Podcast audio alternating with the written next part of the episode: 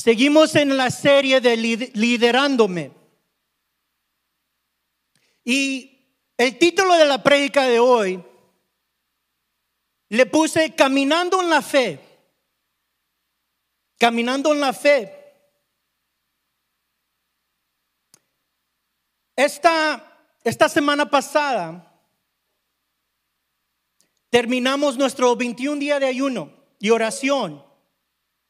Un aplauso para el Señor. Eso no fue nada fácil. Pero quizás muchos de ustedes están pensando, ¿y ahora qué? ¿Ahora qué? ¿Qué hacemos después de 21 días de ayuno y oración? ¿Y ahora qué? Como después de una cena viene el postre, no tengan hambre, ya sé que tienen hambre. Después de un ayuno viene la acción y un movimiento. Amén. Después del ayuno viene la acción y un movimiento. Y empezamos en 2 de Corintios capítulo 5 versículo 7. 2 de Corintios capítulo 5 versículo 7. Un verso sencillo, corto, pero poderoso. La palabra dice, porque por fe andamos no por vista. Porque por fe andamos, no por vista. Nosotros andamos por fe, pero ¿qué significa eso? ¿Qué significa estar caminando en la fe, andando en la fe? ¿Y por qué dice no por la vista? Cuando yo era niño, yo recuerdo que mi mamá tenía un cuadro en la cocina en un cuadro con vidrio y tenía un poema. El poema se llamaba Huellas. Quizás ustedes lo conocen. Tiene una imagen de una playa y tiene los pisados de dos personas y después de una persona. Y el poema está hablando de un sueño de un hombre que tuvo, que estaba caminando con Jesús. Pero después el Señor se molesta. Y le reclama a Jesús. Y le dice, cuando Jesús estaba caminando con él, él notó que me dejaste solo. Y dice el Señor, Señor, tú me prometiste que si yo te seguía siempre caminarías conmigo a mi lado. Sin embargo, he notado que en los momentos más difíciles de mi vida había solo un par de huellas en la arena. Porque, ¿por qué cuando más te, te necesitaba, no caminabas a mi lado? ¿Cuántas veces tú te has sentido que andas solo en tu camino con Jesús? ¿Cuántas veces te has sentido agotado, triste y sientes que no tienes a nadie ni a Jesús caminando contigo? Y quizás tú puedes reflejar y decir, yo me parezco a este Señor. Porque yo le he pedido, yo le he dicho al Señor, ¿por qué me dejaste solo? Pero en el poema Jesús contesta, querido hijo, qué hermoso, querido hijo, yo te amo infinitamente y jamás, escuchen bien, y jamás te abandonaría. En los momentos más difíciles, cuando vistes en la arena solo un par de pisados, es porque yo te cargaba en mis brazos. Amén. Debes aplauso al Señor. Yo desde niño, con esa imagen de pisados en la arena, y en mis tiempos difíciles, que Dios me tenía en sus brazos. Que esos pisados que yo miraba atrás de mí no era yo solo, sino Él cargándome a mí. Qué hermoso. Pero por eso viene caminando en la fe. Porque este Señor cuando caminaba tuvo que pararse y regresar y vio, ando solo.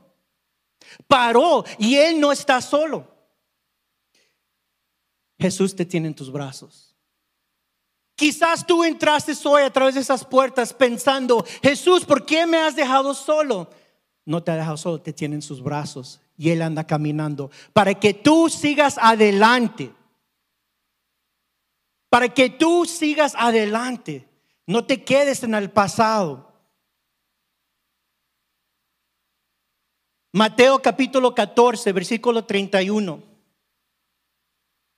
¿Qué podemos hacer cuando caminamos en la fe? ¿Qué podemos hacer cuando caminamos en la fe? En Mateo 14, 31 leemos. De inmediato, Jesús extendió la mano y lo agarró. Jesús le pregunta, ¿tienes tan poca fe? Le dijo Jesús, ¿por qué dudaste de mí?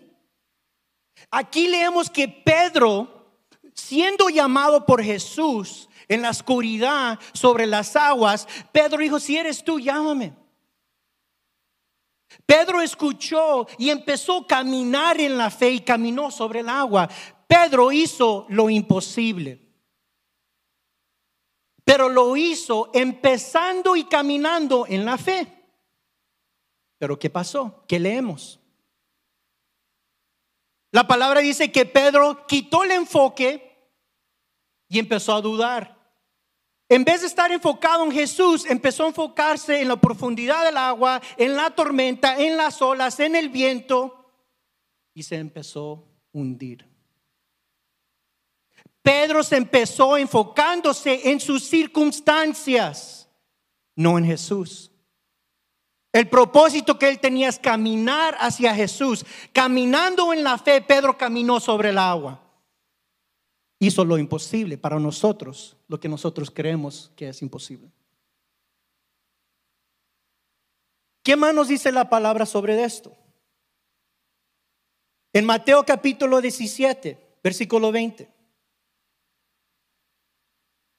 Aquí encontramos a Jesús sanando muchos endemoniados, un muchacho endemoniado. Pero los discípulos le preguntan, ¿Por qué nosotros no pudimos expulsar el demonio? En el versículo 20 nos dice, escuchen lo que dice Jesús, ustedes no tienen la fe suficiente. Les digo la verdad, si tuvieran fe, aunque fuera tan pequeña como una semilla de mostaza, podrían decirle a esta montaña, muévete de aquí hasta allá, y la montaña se movería, nada sería imposible. Amén. Hay alguien aquí en este día, escuchando aquí, escuchando a través, a través de las redes, que necesita mover una montaña de su vida necesita mover una montaña de tu vida. Y estoy aquí para recordarte que la palabra de Dios dice que nada será imposible cuando caminas en la fe, teniendo fe como el tamaño pequeño como una semilla de mostaza. Pero tenemos que proclamarlo. Tenemos que creerlo para que esa montaña se mueva de allí allá. Para esa enfermedad, enfermedad que tienes que se mueva de aquí para allá. Esa debilidad de aquí para allá, ese pecado de aquí para allá, fuera en el nombre de Jesús. Amén. Pero necesitamos caminar en fe. Necesitamos caminar en fe. Me encantan las imágenes aquí. Qué asombroso es Dios.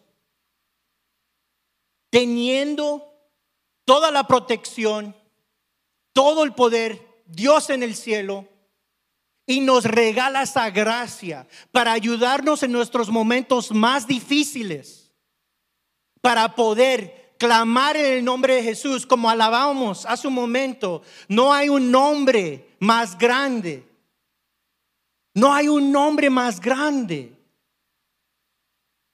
No hay alguien más digno. Dios es todopoderoso, pero necesitamos caminar en fe. Amén. En Santiago capítulo 2, versículo 14 al 26. Aquí nos vamos a quedar un momento y vamos a repasar lo que Santiago nos enseña sobre las acciones. Empezamos que ya acabamos el ayuno y la oración. No se acabó la oración, seguimos orando. Pero los 21 días de oración y ayuno que tuvimos ya terminó. Pero ahora viene la acción. Ahora viene un movimiento. Para los que pudieron atender entre semana, pasaron cosas milagrosas. Liberaciones, vidas transformadas. Las palabras hermosas que compartieron nuestros hermanos y hermanas desde acá. Fue algo tremendo. Alguien compartía, necesitamos que hacer más ayunos durante el año. Amén. Otros decían, uh, si tuviéramos otro servicio mañana, yo viniera. Amén. ¿Y saben quién decía eso? Los jóvenes. Un aplauso para los jóvenes. Mi corazón, ustedes ya saben. Pero hay algo pasando ahorita en los corazones de estos jóvenes. Viene una acción y viene un movimiento de Dios que nunca van a poder reconocer ustedes. Algo impresionante. ¿Quién dice amén para eso? Ahorita viene esa acción, ese movimiento. Dios está obrando. Tenemos que estar preparados para lo que Dios va a hacer a través de los jóvenes. Y no, y no me digan, pues Alejandro, yo tengo cuarenta y tantos, cincuenta y tantos. No, papá. Todos somos jóvenes de corazón. Recuerden lo que dice la palabra. Acércate a mí con el corazón de un niño. Todos podemos. Amén. Todos somos hijos de Dios. Amén. ¿Qué nos dice Santiago? Versículo 14. Amados hermanos, ¿de qué le sirve a uno decir que tiene fe si no lo demuestra con sus acciones? ¿Puede esa clase de fe salvar a alguien?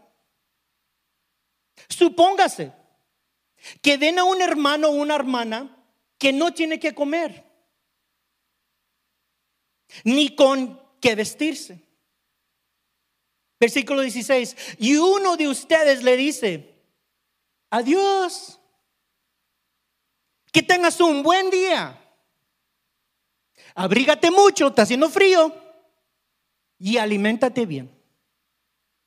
Pero no le da ni alimento ni ropa.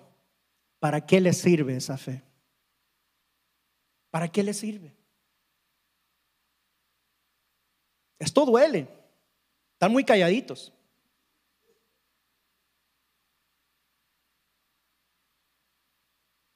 ¿Qué nos da diciendo Santiago? Que a través de las acciones no podemos obtener la salvación. La acción es confirmación de nuestra fe. No es acciones para alcanzar la gracia, la salvación, sino la acción es confirmación de nuestra fe. Y aquí lo vemos en el, versículo 17. Santiago dice, ¿cómo pueden ver? La fe por sí sola no es suficiente. A menos que produzca buenas acciones, está muerta y es inútil. Esto no quiere decir que podemos lograr la salvación por nuestras acciones. No se confundan, no se me aceleren. No me van a tirar un zapato. Alejandro, ¿qué está diciendo desde allá arriba? Pero sirviendo a Dios con acciones lleno de amor y sinceridad, esas acciones le agradecen a Dios. Esas acciones confirman nuestra fe. Versículo 18. Ahora bien, Alguien podría argumentar, algunas personas tienen fe, otras buenas acciones. Pero yo les digo, ¿cómo me mostrarás tu fe si no haces buenas acciones? Y yo les mostraré mi fe con mis buenas acciones. Quizás unos de ustedes se están preguntando, Alejandro, pero Pablo en Romanos 3:18 nos dice, no está en la pantalla, se los voy a leer. Así que somos hechos justos a los ojos de Dios por medio de la fe y no por obedecer la ley. Estas dos ideas no se contradicen. Estas dos ideas, lo que nos enseña Santiago y lo que nos enseña Pablo, no se contradicen. Están en armonía. Están en armonía. Lo que escribe Santiago y lo que escribe Pablo, hay un punto muy clave, la motivación, la motivación con la que hacemos las acciones es lo que es clave. La motivación, ¿a qué los llevo a entender? ¿Con qué corazón sirves? ¿Con qué corazón amas? ¿Vienes a la iglesia para borrar tu pecado? ¿Vienes a la iglesia para borrar el error que cometiste? Como si fuera penitencia. ¿Cuál es tu motivación? ¿Amas condicionalmente? ¿Para que te hagan un favor? ¿Para que te regresen ese amor? ¿Porque tienes un vacío? ¿Cuál es tu motivación? Pero con un corazón lleno de humildad, lleno de sinceridad, lleno de amor. Uno ama a su prójimo incondicionalmente, sin motivación, porque se regala, lleno de gracia, se da. Y hasta los que no se lo merecen, ¿verdad? Ahí cuesta. Amar el que te causó daño, amar el que te causó dolor, amar al que te causó trauma en tu vida. Eso está pesado.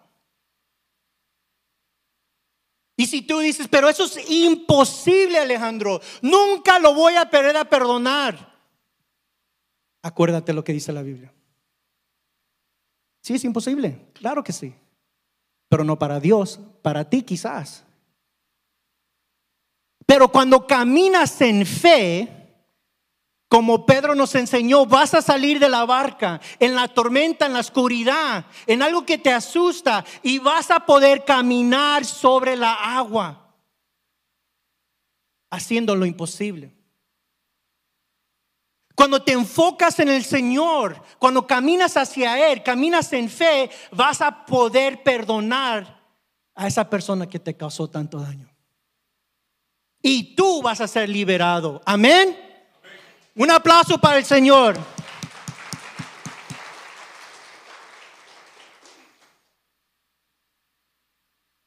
Caminando en la fe. Recuerden el poema de las huellas. Si tú regresas y miras a tu pasado en tus tiempos más tristes, más difíciles, Tú nunca estabas solo. Si ahorita te sientes triste, solo, agotado, escúchame. Escucha a Dios. Él está contigo. Tú no estás solo, no estás sola. Tu papá en el cielo te está cargando. Cuando tú ya no tienes la fuerza o la energía para levantarte, para caminar, si apenas llegaste y quizás no te peinaste. Está bien, te ves hermoso, te ves hermosa. Pudiste llegar. En tu día más difícil, Él te carga en sus brazos. Él te carga en sus brazos. No te sientas solo, recuerdan esto. Caminando en la fe. Quizás gente dice, 21 días de oración y ayuno.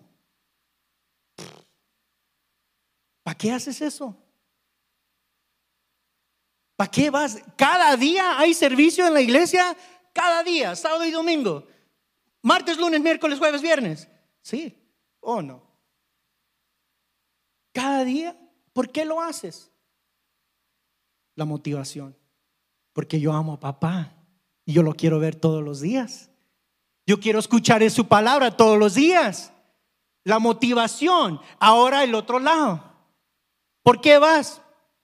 Porque dijo mi mamá que tengo que ir. Porque me hizo enojar mi esposa, mi esposo, y lo voy a hacer a, adrede que venga. A la fuerza. Porque me causó que me enojara. Lo están usando como castigo. ¿Cuál es tu motivación? Cuando nos acercamos a Dios, ¿cuál es tu motivación? Hay muchos que conocen mucho de la Biblia. La tienen memorizada. Pero eso es inteligencia, no sabiduría. Allá hay una diferencia. Tú puedes tener todo esto memorizado, mucha inteligencia. Pero la aplicación de esta palabra en tu vida, eso es sabiduría. Eso es aplicando la palabra en tu vida. Caminando en la fe. ¿Por qué vas a la iglesia? Es porque amo a Dios, porque Dios está vivo. Yo quiero estar con Él, yo lo quiero alabar con mis hermanos y mis hermanas. Un aplauso para el Señor. No por la religión. No porque nos va a regañar Paz Vía si no llegamos. ¿Por qué diezmas? ¿Porque te vio el hermano o la hermana? ¿O porque te gusta agradar al Señor y compartir con Él? ¿Por qué ayunas?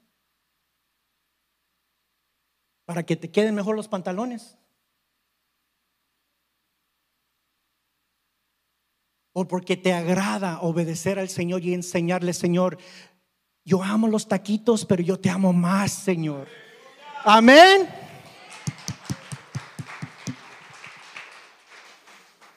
La gente del mundo no, no puede entender. Es muy difícil para ellos entender por qué hacemos lo que nosotros hacemos. Ayunar, siempre orar, alabar, extendiendo las manos, orando. Cuando yo primero le entregaba mi vida al Señor, en ese tiempo, yo era un hombre muy, muy serio.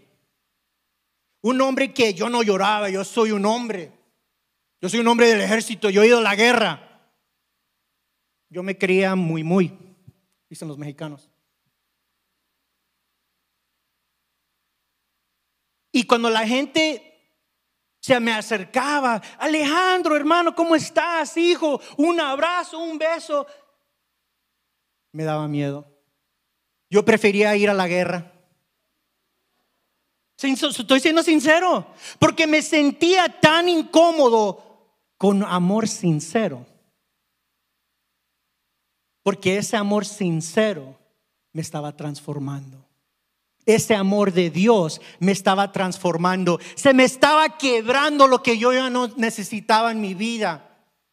Esas barreras que yo ponía para que la gente no se me acercara,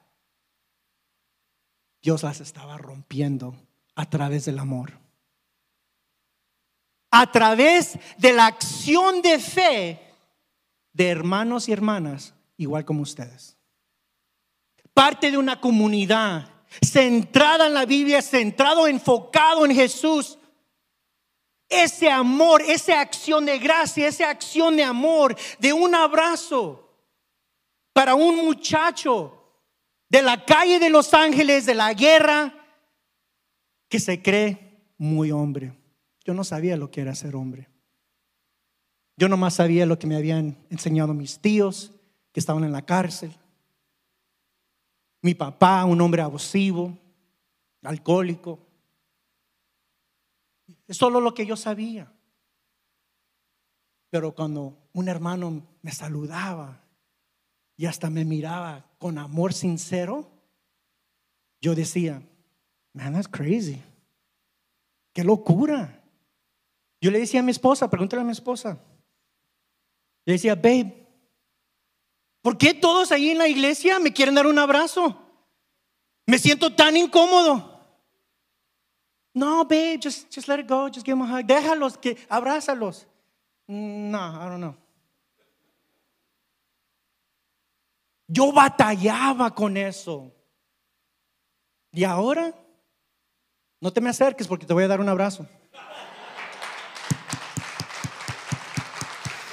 Eso es para el Señor. Ese amor, yo aprendí lo que es verdaderamente un amor de un padre.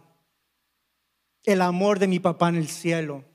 Un amor puro, lleno de acción de gracia. Amén. Lleno de motivación, de sinceridad. Un corazón lleno, eso transforma. Caminando en la fe. Caminando en la fe.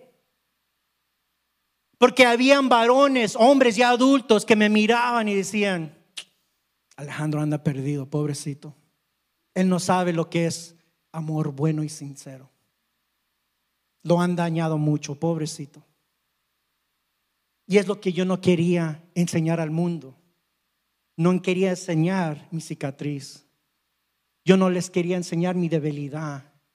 Yo no les quería enseñar mi necesidad de un amor puro, de un Padre bueno como Dios. Y a través como hermanos y hermanas como ustedes, mi vida de joven fue transformada. Mi vida de joven fue transformada para ser el hombre que yo soy hoy. Todo, todo por la gracia y la honra del Señor. Cuando la gente te pregunte, cuando la gente te pregunte, ¿por qué haces lo que haces? ¿Por qué vas a la iglesia tanto? ¿Por qué siempre estás orando? Para mis jóvenes. Ay, mamá, ¿por qué siempre estás orando por mí? Ven, hija, para orar ante. ¿Vas? ¿Dónde vas? ¿A, la tienda? Bien, voy a orar por ti. Ay, mamá, ya déjame. ¿Sabes por qué hacen eso? Porque no hay nada más poderoso que orar y estar en la presencia de Dios, proclamando sobre tu vida prosperidad, sanidad, protección. Así es que joven donde estás escuchando, if you're listening to me, let them pray for you. Let them hug you, let them love you. Deja que oren por ti, deja que oren y obren por ti y dejas que te amen. Porque esa necesidad que tú necesitas, que no le has dicho al mundo, Dios lo reconoce. Dios lo reconoce. Y como empecé, joven, no es nomás exclusive para mis teenagers. Todos aquí somos hijos de Dios. Todos aquí tenemos esa necesidad, de ese amor, de ese abrazo para que Dios nos cargue en nuestros tiempos más difíciles, más tristes, cuando no tengamos esa energía, igual como padre que como hijo e hija. No importa. Tú en este momento tienes acceso a ese amor de Dios. Tienes acceso a ese amor de Dios. Camina en fe. Camina en fe porque vas a caminar sobre agua, vas a poder hacer lo imposible caminando hacia Jesús. No quites el enfoque. No quites el enfoque. Si lo sugieres, pueden preparar la Santa Cena, por favor. ¿Por qué hacemos la Santa Cena? ¿Por qué hacemos la Santa Cena? Ah, pues porque siempre la hacemos. Recuerden la motivación. Recuerden la motivación. En Corintios nos dice, haz esto en memoria mía para traer honra y gloria para la vida de Jesús. Él nos dijo, cada vez que tú bebas, recuerda de mí. Cada vez que tú hagas esto, recuérdate de mí. Recuerda que yo no te voy a dejar solo. Yo me voy, pero prepararte un lugar en el cielo. No te dejo solo, te dejo mi espíritu. No te sientas abandonado.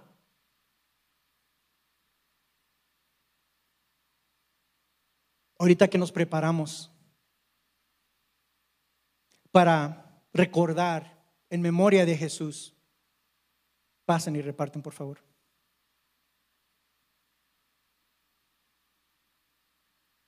Si se pueden poner de pie, por favor.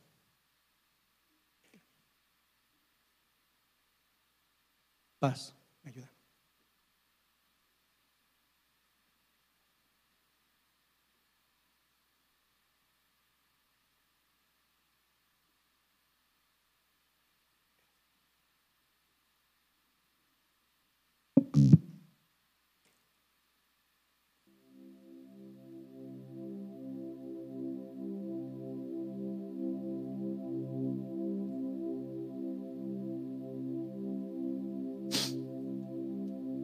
Recuerden,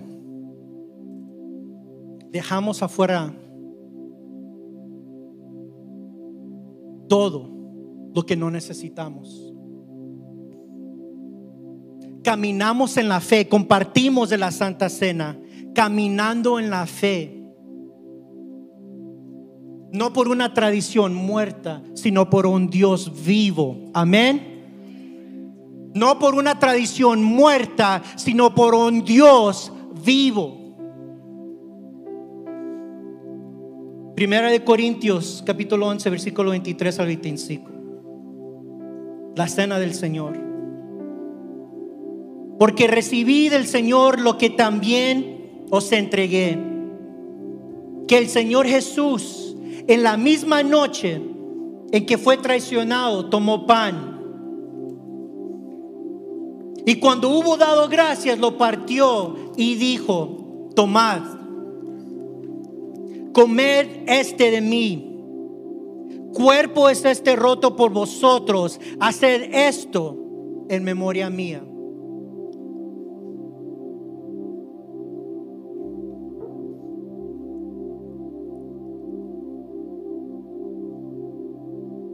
De la misma manera,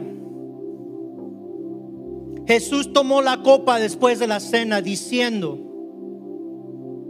esta copa es el nuevo pacto de mi sangre.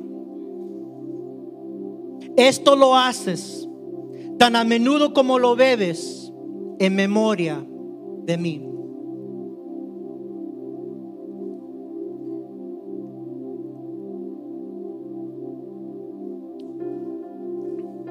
Incline su rostro. Señor, te damos gracias. Señor, te damos gracias por esta palabra. Señor, te damos gracias porque eres un Dios vivo.